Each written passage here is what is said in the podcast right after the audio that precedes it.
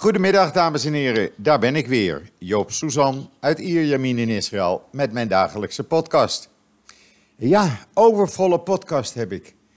Eh, eerst even iets eh, persoonlijks. Vrijdagavond, eh, ik had het gemeld, ik had natuurlijk alle kinderen en kleinkinderen hier. We waren met z'n zestiende in totaal. En ze waren nog niet koud de deur uit en ik kreeg een berichtje, een WhatsAppje van een van mijn zwagers uit Nederland. Dat mijn vader van 96 was gevallen en waarschijnlijk zijn heup had gebroken en naar het ziekenhuis was overgebracht. Nou, dan blijf je, ja, dan is je hele vrijdagavond natuurlijk, hoe gezellig het ook was, verpest. En dan op zaterdag krijg je dan het bericht, ja, hij wacht op een operatie. Nou, dat wachten duurde dan tot uh, Nederlandse tijd zaterdagavond uh, kwart voor zevenen. En 2,5 uur later was hij uh, uit de operatie. Bleek een operatie waarbij ze een stuk plastic bot in zijn heup hebben gezet. En een uurtje daarna had ik hem al aan de telefoon en op video via WhatsApp. Want ja, dat kan tegenwoordig allemaal. Het is allemaal zo makkelijk. En de man was, ja, was weer helemaal op zijn praatjesstoel. En praatte honderd uit. En vanmorgen, ik heb de foto's op mijn Twitterlijn nagezet. Iets wat ik zelden doe. vanmorgen was hij alweer uit bed, had de eerste stappen gezet. En ja, hij voelt zich weer de koning te rijk. ongelooflijk, 96 jaar, de oorlog overleefd uh, ondergedoken gezeten, 85 familieleden verloren. En still going strong. Ik heb daar alleen maar respect voor. En daarom heb ik ook op Twitter, kijk maar even op mijn uh, timeline, opgeroepen om hem even een uh, kaartje te sturen. Dat vindt hij wel leuk, dat hij aandacht krijgt van een heleboel mensen. daar houdt hij wel van. En ja, dat zal allemaal gebeuren. Hopelijk komt hij eind van de week alweer naar huis. Hij woont nog steeds op zichzelf. Hij wil niet naar een bejaardentehuis. Dus die pogingen hebben we al lang geleden opgegeven. En uh, ja, het verder gaat. In ieder geval, ik wou dat even kwijt. Ik doe het eigenlijk namelijk nooit. Maar in dit geval, ja, ik bewonder uh, zijn doorzettingsvermogen op die leeftijd. En zijn positieve instelling. Dus ja, zend hem even een kaartje. En dan het weer, zoals gebruikelijk. Nou, het is officieel. We hebben sinds vijf dagen een hittegolf in Israël. En dat gaat de hele week nog maar door, volgens het artikel wat we op JoodsNL hebben gezet. Het is uh, niet uitzonderlijk. Tien jaar geleden hadden we hetzelfde in november. Toen waren die uh, grote branden op de Karmel, waarbij 44 doden vielen. Misschien weet u dat nog. In ieder geval, uh, ja, de ramen staan wijd open, want ik probeer de airconditioning er niet bij aan te zetten. Toch lekker door. Huis is lekker koel. Ik heb mijn korte broekje aan, een t-shirt aan. En dat is dan uh, half november in Israël. Dus we genieten er nog even van, zolang het kan. in ieder geval tot nou, de komende 7, 8 dagen. Daarna wordt het mogelijk iets koeler. Voorlopig wordt het alleen maar warmer. En op dit moment, dat zeg ik, 31 graden. Het is net hoogzomer. Alleen s'avonds, dan koelt het natuurlijk af tot een graad of 20. En dan even wat Nederlands nieuws. De bouw van het Holocaust-namenmonument in de Weesperstraat is gestart. De bouwhekken zijn geplaatst. Uh, de bouw gaat dus eindelijk beginnen. Al dus het Nederlands Auschwitz-comité in een persbericht wat ze naar uh, JoodsNL hebben gestuurd. De komende maanden wordt het terrein uh, bouwrijp gemaakt. Er wordt van alles aan gedaan. Er wordt een damband aangebracht. Ondergrondse vuilnisbakken verplaatst. Leidingen verplaatst. Een noodtrap naar het metrostation. Ja, er lopen nog protesten, beroepen bij de rechtbank of Raad van State, zoals dat een heet, beroepschriften. Van een paar bewoners die dat maar niks vinden dat vermoorde Joden in hun buurt worden herdacht. Nou, dat is dan jammer voor die mensen. Dan hadden ze maar niet in de voormalige Jodenbuurt, Joodse buurt moeten gaan wonen. En dat hoort nou eenmaal bij de geschiedenis van Amsterdam. Dus ja, goed nieuws. En dan uh, ook op joods.nl de Nationale Kristalnachtherdenking. Die uh, begint om vier uur Nederlandse tijd in de Portugese synagoge in Amsterdam. Uh, bent u in de buurt? Ik zou zeggen, ga er naartoe. Het is altijd een hele bijzondere herdenking. En alleen al om in de Portugese synagoge te zijn, honderden jaren oud, dat is al een bijzonderheid op zich. Portugese synagoge vlakbij het Waterloopplein in Amsterdam dus. U kunt het lezen op joods.nl. En dan op joods.nl hebben we twee video's gezet van de laatste LL Boeing 747 vlucht. U weet, afgelopen woensdag tekende de Boeing onderweg van Rome naar Tel Aviv een, uh, uh, ja, een tekening van de Boeing in de lucht. Nou, hoe dat nou is gegaan, dat kunt u zien in een van de video's in dat artikel. En ook een speciale vaarwel video van El Al over het feit dat de Boeing 747 nu uit dienst is na ruim 40 jaar in dienst te zijn geweest bij El Al. Is toch wel heel bijzonder, want ja, wie heeft er eigenlijk niet in een El Al 747 gevlogen? Ze vlogen ook op Amsterdam uh, vanuit Tel Aviv. En dan wat politiek nieuws. Uh, Benny Gans twijfelt over de oprechtheid van uh, Likud. En ik denk dat hij daar gelijk aan heeft. Alles bewijst het eigenlijk. Want wat is er gebeurd afgelopen vrijdag, net voor de Shabbat inging, kwam Netanyahu opeens nog even gauw met de mededeling. En het was echt vijf minuten voordat de Shabbat inging, dus niemand kon reageren.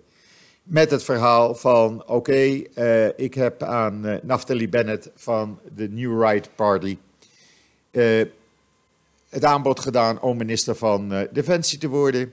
Dat heeft hij geaccepteerd, dat wou hij altijd. We hebben de ruzie bijgelegd en zijn partij wordt geïntegreerd in de Likud. Met andere woorden, de Likud heeft dan 35 zetels in de Knesset en uh, Benny Gans met Blue and White 33.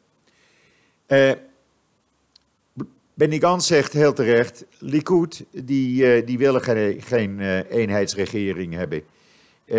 Ze blijven maar zeuren over het feit van als ze onderhandelen, doen ze dat niet. Nou, als Likud zijnde, maar als rechtsblok met 55 zetels. Nou, uh, hij heeft dus gelijk gekregen. en Netanyahu heeft dit nu gedaan om Bennett in de regering te krijgen. Om te zorgen dat het rechtsblok niet uit elkaar zou vallen. Want er waren geruchten dat Bennett en uh, Ayelet Shaked uh, met Gans aan het onderhandelen waren om in een regering van Gans zitting te nemen. Uh, dat heeft Netanyahu dus voorkomen, maar hij heeft daarmee ook uh, weer een extra blok gezet op de voortgang van het krijgen van een regering. En het zou zomaar kunnen dat we dan naar een derde verkiezingsronde gaan, wat niemand wil. Want ondertussen is er ook een uh, peiling geweest gisteravond van uh, een van de televisiezenders, Channel 12. En daaruit blijkt dat 54% van de ondervraagden uh, wil dat Gans een regering in elkaar zet in plaats van Netanyahu. 30,2% willen dat hij faalt en 15% zegt ja, we weten het eigenlijk nog niet. Eh, 29,1% van de Israëli's vindt de, uh, een voorkeur voor een coalitie tussen Blue and White, Likud en de ultra-orthodoxe partijen. 19% zegt, nou ja, een meer centrum-linkse uh, minderheidsregering met Lieberman, zijn partij erin, met de steun van de Joint Arab List. Nou, dat vinden wij wel goed. Dus het is allemaal tegen de wens van uh, de Israëli's in. En Netanyahu doet dit om te voorkomen dat hij geen premier meer is en dat hij dus niet onder eventuele aanklachten uit kan komen. Ondertussen gaan er geruchten dat uh, na het ultimatum van Lieberman, waarin hij gezegd heeft: Ik wil dat jullie, uh, Gans en Netanyahu, dat jullie een beslissing gaan nemen. En zo niet, dan zal ik mijn standpunt bepalen. En zal ik bepalen met wie ik uh, in een regering zitting, wil nemen. Nou, dat zal niet met Netanyahu zijn, omdat die met zijn rechtse blok uh, uh, vastzit aan de ultra-orthodoxe partijen, wat Lieberman niet wil.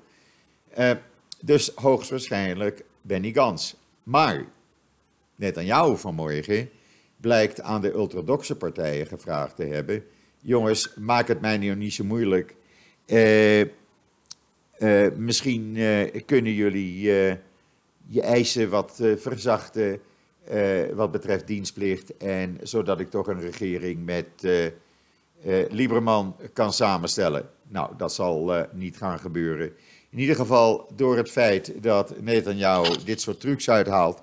En ik ben niet echt een fan van Benny Gans, maar het gaat me nu zuiver om wat er gebeurt. Zit Israël al een jaar, december is dat een jaar, zonder regering, hebben we een demissionair kabinet, terwijl de problemen zich enorm opstapelen. En dat is alleen maar uit eigen belang.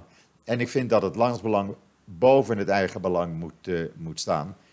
Maar dat schijnt bij Netanyahu helaas niet het geval te zijn. En ondertussen, uh, de huizenprijzen stijgen de pan uit. De begrotingstekort loopt alleen maar op. Dat ligt uh, boven de 4%. Uh, infrastructuur wordt niets aan gedaan. De files worden langer, de treinen worden voller, de bussen uh, kunnen het niet meer aan. De wegen, nou ja, het is een chaos. files bijna de hele dag overal door het land er moet iets gedaan worden. En zolang je een demissionaire regering hebt, gebeurt er dus niets, want er kunnen geen beslissingen genomen worden.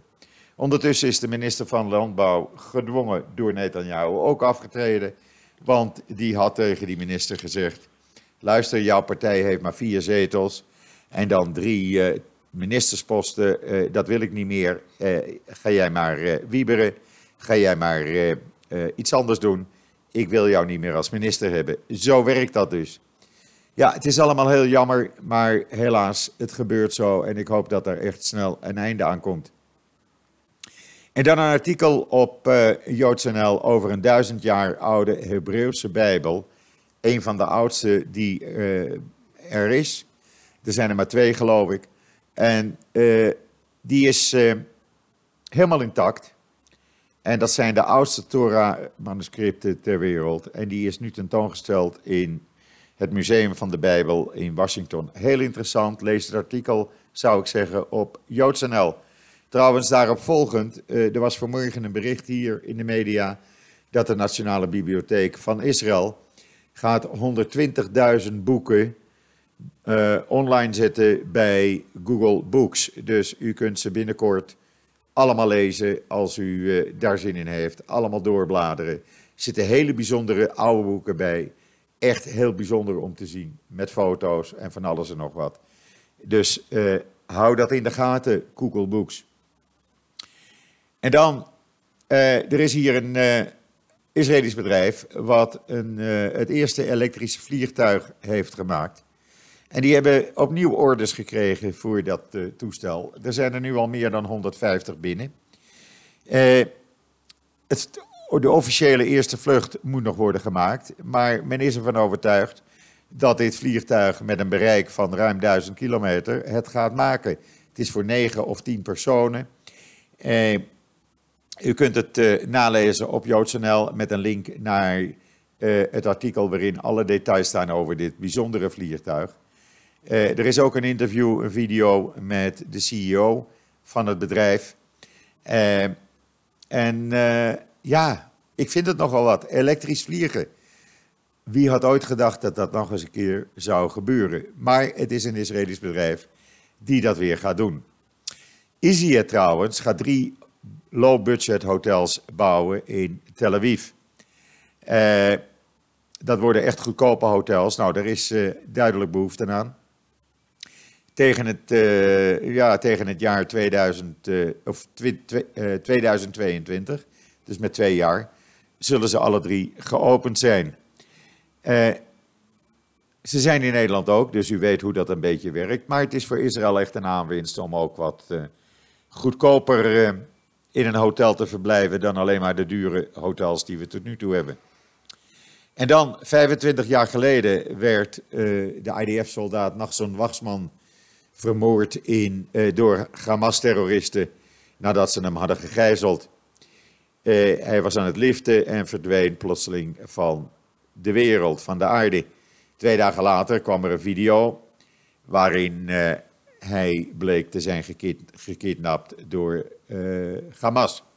En zijn vrienden, jeugdvrienden en leden van de speciale elite-eenheid Matkal, die 25 jaar geleden probeerden hem te bevrijden, eh, die kwamen bij elkaar in het huis waar het allemaal gebeurde. Het is echt een bijzonder, eh, ja, bijzonder iets om te zien. Er zit een video bij van die bijeenkomst. Ik vond het eh, erg eh, ontroerend om, eh, om te zien en te lezen. U kunt het allemaal nalezen op JoodsNL natuurlijk. En dan vandaag is de lease van een stuk Jordaans land na 25 jaar beëindigd. Jordanië heeft de vlag gehesen. En uh, ja, het hek is gesloten gisteravond door de IDF. Uh, de, een aantal Israëlische boeren kan nog wel tot midden volgend jaar het land blijven bewerken. Maar het vreemde is dat de boeren door de Israëlische regering helemaal niet op de hoogte zijn gesteld van wat er zou zijn uh, aan de hand was, wat er zou gebeuren. En totaal in het ongewisse zijn. Gisteren zijn er nog ja, duizenden mensen naartoe gegaan om het nog één keer te zien. De grond is ook, uh, of het stuk grond eigenlijk, is ook bekend als het eiland van de vrede. Het is namelijk de locatie waar in maart 1997, uh, in maart 1997, en die boeren weten dus gewoon niet wat ze moeten doen. Ja, ik had even een telefoontje van een van mijn broers ertussendoor, sorry. Uh, in ieder geval, uh, we hebben een heel artikel met een videootje op joods.nl daarover. En dan, ja, ik had het al gezegd over die hittegolf. Het heeft niets met de klimaatverandering te maken, wou ik u nog even meedelen. Want het gebeurt hier, ja, dus tien jaar geleden is het ook gebeurd. En ja, het is een soort gamsiem, een droge woestijnwind die we eigenlijk hebben. Het is ja, erg droog dus. Ik persoonlijk, ja, ik heb het liever als het koude, natte winterweer. En natuurlijk, we krijgen hier nog wel wat regen in Israël. en dat moet ook, het land moet regen hebben natuurlijk. En ik verwacht zelf dat we dat in de komende maanden gewoon gaan krijgen.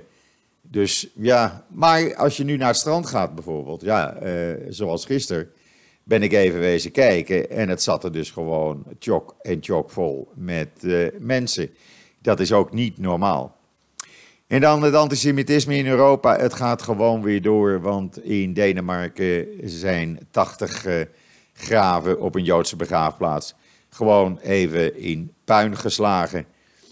Uh, ja, zelfs de doden hebben dan gerust, vind ik.